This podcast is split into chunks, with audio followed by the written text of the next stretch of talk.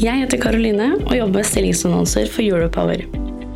Europower har mer enn 7000 abonnenter, og podkasten du nå lytter til, har mer enn 300 ukentlige lyttere.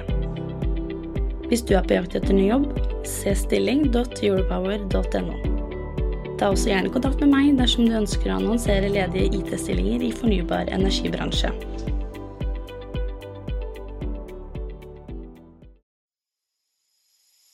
We need urgent action towards sustainable transition. And if this does not happen, uh, we are indeed in, in, in a crisis. And I think there is a time span of a few years now where something dramatic needs to happen if you are going to be able to meet uh, the uh, objectives in the Paris Agreement. In that respect, I think it's reason to be somewhat pessimistic. But um, if you look at the other side, we know more or less what we need to do. What is missing is coordinated sustainable action. You are listening to a podcast episode from Enowe, a Norwegian news magazine for the energy industry. This episode contains content marketing from the Energy Transition webinar. My name is Skjul Kristian Aamodt and I'm the CEO in Energy. Earlier years, I have participated at the Energy Transition Conference in Trondheim. But this year, the Energy Transition Conference is organized as a series of webinars and I watched the first episode in a series of five from our podcast studio in Oslo.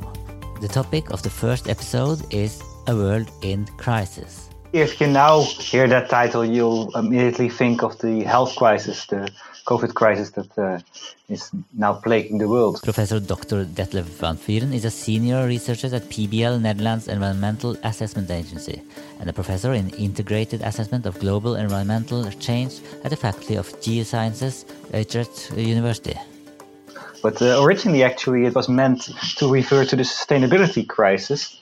And it's quite clear that already last year we were facing a sustainability crisis.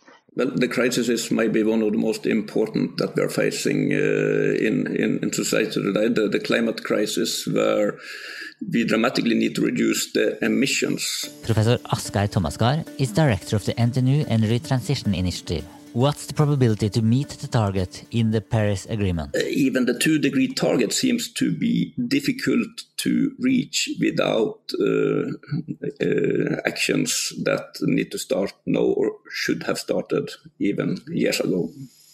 The COVID 19 crisis has hit the whole world. Is the climate crisis really a more severe crisis than the COVID 19 crisis?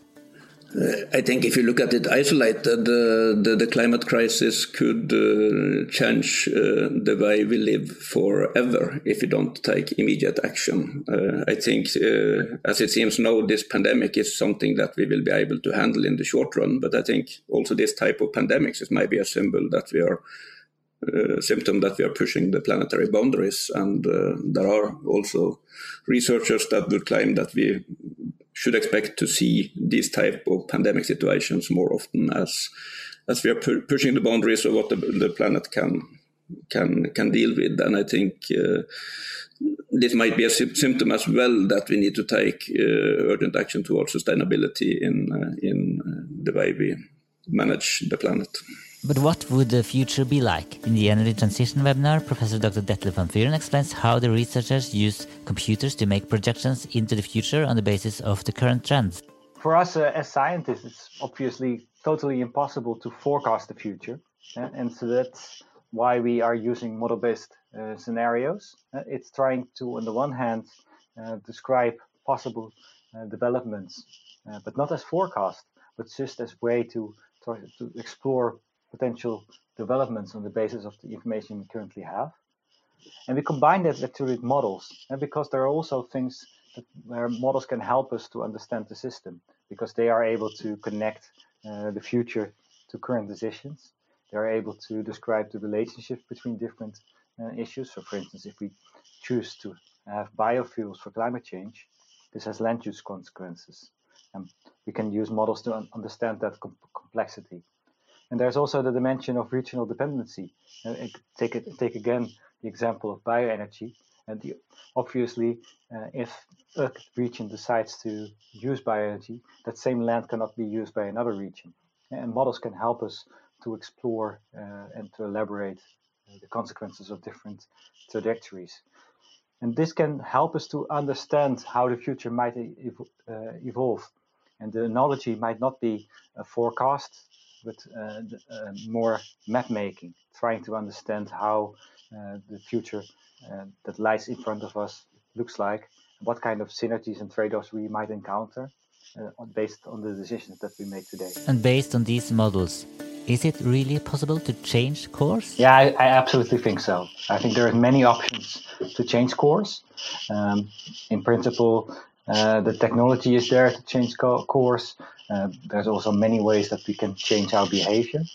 And uh, so, if we if we look um, as scientists in the options, what we find is that it's uh, it's absolutely possible to reduce uh, our um, consumption and production patterns in a way that um, uh, greenhouse gas emissions go to zero by the end, by the middle of the century. During the COVID-19 crisis, the CO2 emissions has decreased. I asked Professor Asgeir Tomasgard for his reflections on this. I, I think it's too early to say what will be the effects, but my, my guess is that we will see that indeed CO2 emissions and uh, have, have gone down as a, uh, have gone down as a consequence of uh, reduced economic activity and as a consequence of uh, lockdowns where people work from home and international travel uh, stopped. Well, most of national travels also stopped. But I think what we will see when we get um, when we get the numbers is that uh, it has reduced emissions, but it hasn't reduced emissions enough. So it will be an indication that it's not enough to look at lifestyle changes in the future if you're going to deal with the, the, the emission cuts needed to reach the one and a half degree and two degree targets is important with lifestyle changes, but we also need to look at the large systemic changes on how to decarbonize industry, decarbonize transport, and decarbonize the built environment. The carbon price is a cost applied to carbon pollution to encourage polluters to reduce the amount of greenhouse gases they emit into the atmosphere. It usually takes the form of either a carbon tax or a requirement to purchase uh, permits to emit. Dr. Brigitte Knopf is Secretary General of Mercator Research Institute on Global Commons and Climate Change. She presented at the Energy Transition webinar and she emphasized that the carbon price plays an important role in the energy transition. So, in last year, so in 2019, the German government has decided uh, for a new climate package, and at its center is a carbon price and that's quite new. Um, it's a carbon price for transport and uh, the heating sector, and um, this is in parallel to the European emission trading system. And so now from 2021 onwards, we will have um, a dedicated carbon price signal for transport and heating starting with 25 euros, um, going up to 55 euros in 2025. But is the carbon price the same all over Europe? It is now preset, so it's called an emission trading system. But in the end, the government decided to start with a fixed price in this emission trading system. So a fixed price, and the price path is already uh, fixed from 25 euros going up to 55 euros. And only after 2025, this kind of emission trading system will will start uh, with an upper and a lower bound, um, and then after 2026, we're not so sure in which direction it will go, whether it will be a full-fledged emission trading system or still be a, a system with an upper and a lower bound. Let's go back to Professor Dr. Detlef van Vuuren. How can technology help in the reduction of CO2 emissions? And what we see in the uh, scientific literature is that number one, uh, we have to think of efficiency improvements. Um, and the, the, scenarios, for instance, show that it's really impossible to reach our targets without a, a major efficiency improvement. There are many options for that. Um, we can insulate our houses, we can use efficient, efficient appliances. But and the second option um, is actually using a lot, lot more renewable energy.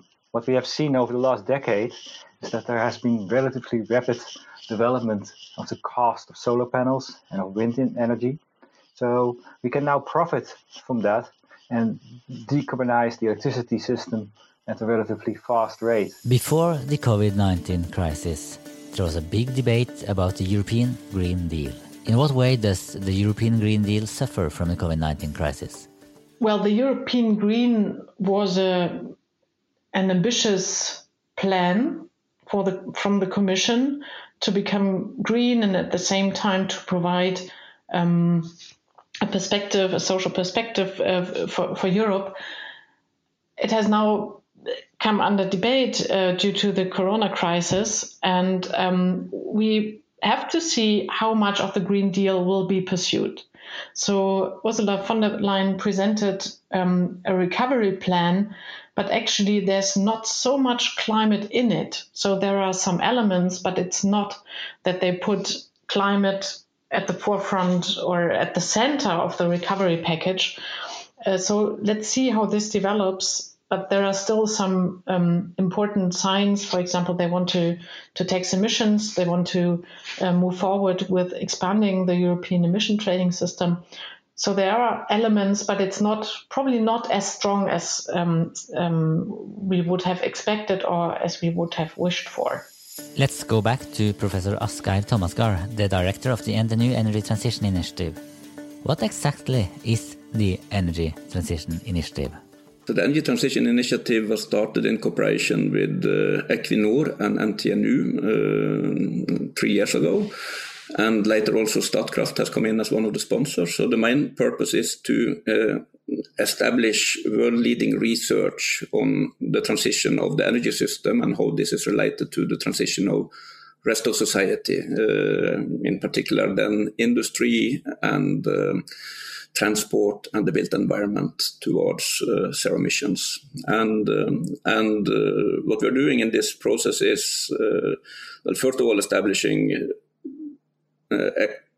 cooperations and uh, and joint activities with leading international research groups on the topics, but also more facilitating cooperation within the Norwegian Research Society on these topics, and in particular at NTNU. And uh, one of the most important mechanisms in doing so is to facilitate uh, dialogue and discussion between academia, uh, industry, and policy. Are we on our way to Paris, or are we moving in the opposite direction? That's a good, good question. So, what we see is that um, the emissions gap is widening in a sense that the the um, difference between the aim of the Paris Agreement and what the countries actually do, this gap is widening, and this is bad news.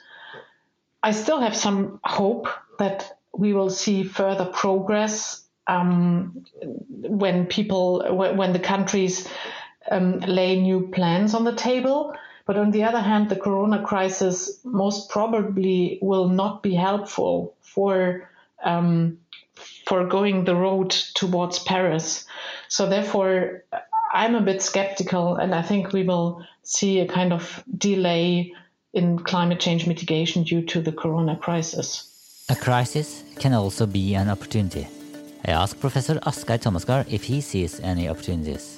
Well, what we're seeing already is that there is a number of economic help packages or economic stimuli packages which are initiated to get the economy back on track.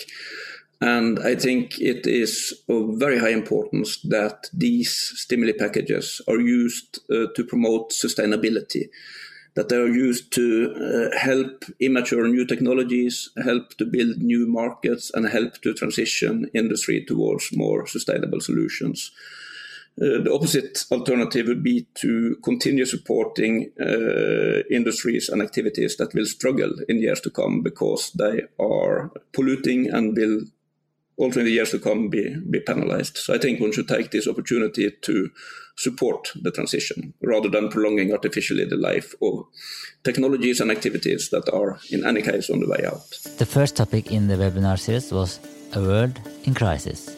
What will be the next topics? So the two next ones coming up are related to um, one topic uh, of high importance for Norway: is there a future for fossil energy? So discussing uh, if if uh, carbon capture and storage or alternative uses of petroleum would make it possible to produce and use petroleum products also in the future, or, or, if these are on the way out. And we will follow up that one with another uh, webinar focusing on the game changers in the energy transition. Then, towards uh, the end of the series, we will look at uh, radical innovation, both social and technical. And uh, the, the closing webinar will be hopefully a little bit more optimistic with visions of the future. If you want a deeper understanding of the topics discussed in this podcast, please visit uh, ntnu.edu slash energy transition conference or energiwebinar.no. And please remember, the topic of the next webinar will be Is there a future for fossil energy? You are listening to a podcast episode from NOE, a Norwegian news magazine for the energy industry. This episode contains content marketing from the Energy Transition webinar. Jeg heter Karoline og jobber med stillingsannonser for Europower. Europower har mer enn 7000 abonnenter, og podkasten du nå lytter til, har mer enn 300 ukentlige lyttere. Hvis du er på jakt etter ny jobb, se stilling.europower.no. Ta også gjerne kontakt med meg dersom du ønsker å annonsere ledige IT-stillinger i fornybar energibransje.